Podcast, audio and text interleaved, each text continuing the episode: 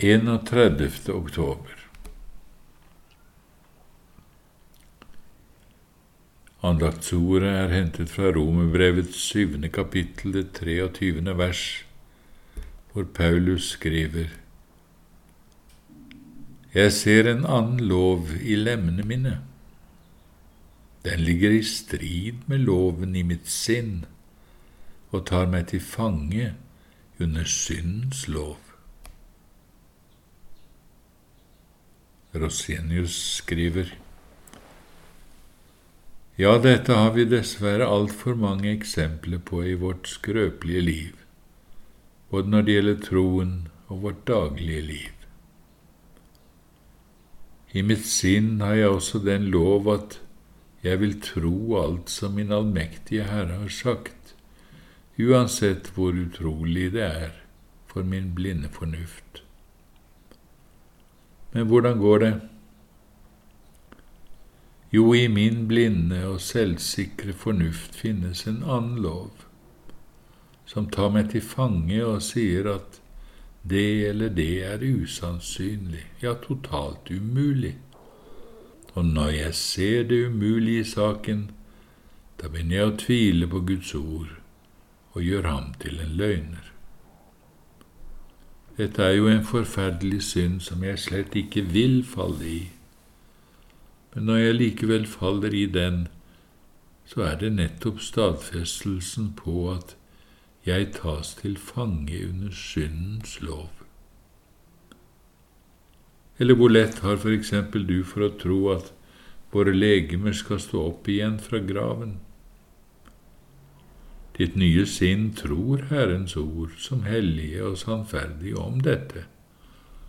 Du tror Gud har makt til å kunne gjøre alt han vil og har sagt. Men så skjer det at øynene dine ser for seg noen oppsmuldrede benrester, og så tenker du, skal våre legemer stå opp igjen? Nei, det er for usannsynlig. Da har den loven som er i lemmene dine, i øyne og fornuft, tatt deg til fange. Med selve den store hovedartikkelen om syndenes forlatelse går det jo stadig på samme måte. Hele din frelse har du jo bare i troen på Jesu blod, at dette renser oss fra alle våre synder. Men før du vet av det, har tankene stanset ved en bestemt synd som er verst for deg, og som du har størst problemer med å bli kvitt. Så tenker du at nå må jeg da snart slutte med denne synden, jeg faller jo stadig i den. Og hvordan kan jeg da tro jeg har Guds nåde? Ja, så er du snart fanget i vantroens og fornuftens lov. Det samme skjer når du blir utsatt for andre problemer, fall og bekymringer. Da sier den loven som er i ditt sinn, sett din lit til Gud. Han er en allmektig og trofast far. Frykt ikke, bare tro. Men da hører du straks en annen lov fra ditt vantro hjerte som sier, her er det ikke noe som nytter. Det er helt umulig, jeg kan like godt gi dette opp. På denne måten opplever vi stadig i vår svake tro hvordan loven i lemmene våre tar oss til fange. Og dette skjer ikke bare når det gjelder vår tro og vårt håp, men også vårt daglige liv. Etter den loven som er i mitt sinn, er Guds bud ikke bare hellige og sanne, men også hjertelig kjære for meg men plutselig er det som de ikke skulle eksistere for meg. Jeg kjenner ikke Guds nærvær. Det er som om Gud ikke skulle være til. Det samme skjer med meg som når apostelen sier, Det jeg gjør, forstår jeg ikke, for det jeg vil, det gjør jeg ikke, men det jeg hater, det gjør jeg. Jeg vil stå fast, være saktmodig og god, men plutselig ble jeg fylt av sinne og utålmodighet. Jeg vil holde meg ren og fri fra alt syndig begjær, men blir tatt til fange av syndens lov, så jeg gjør det jeg hater. Jeg vil være ydmyk overfor alle mennesker, tålmodig i prøvelser, uselvisk, himmelvendt.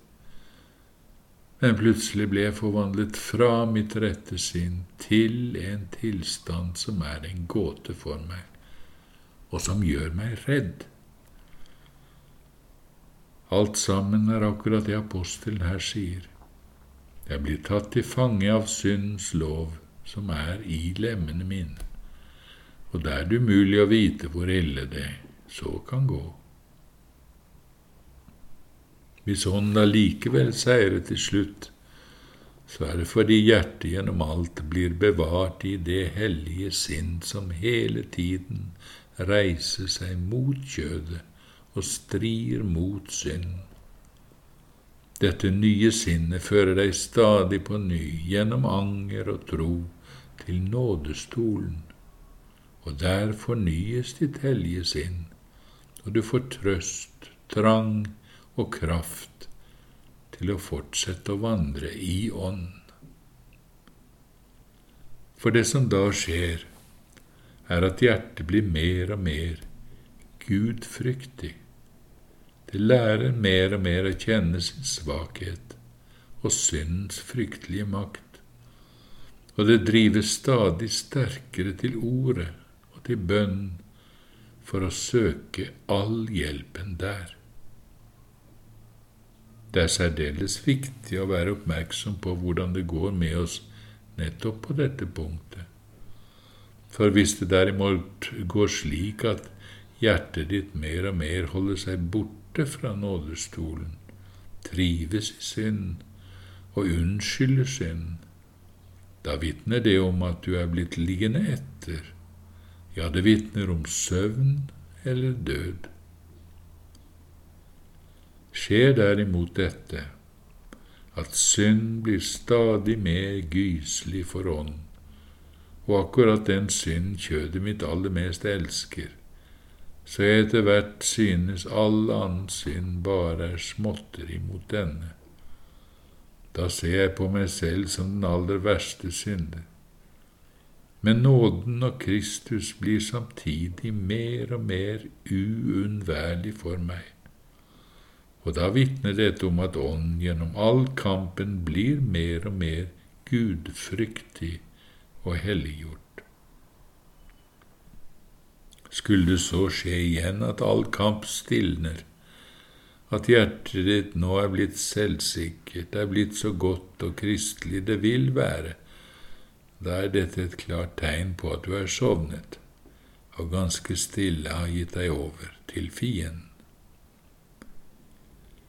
Når det går slik det skal i dette livet, da er synden ikke død og uvirksom da er den alltid plagsom og trykkende. Da overgir, meg, overgir jeg meg ikke til dens vilje, men jeg våker og ber og kjemper mot den.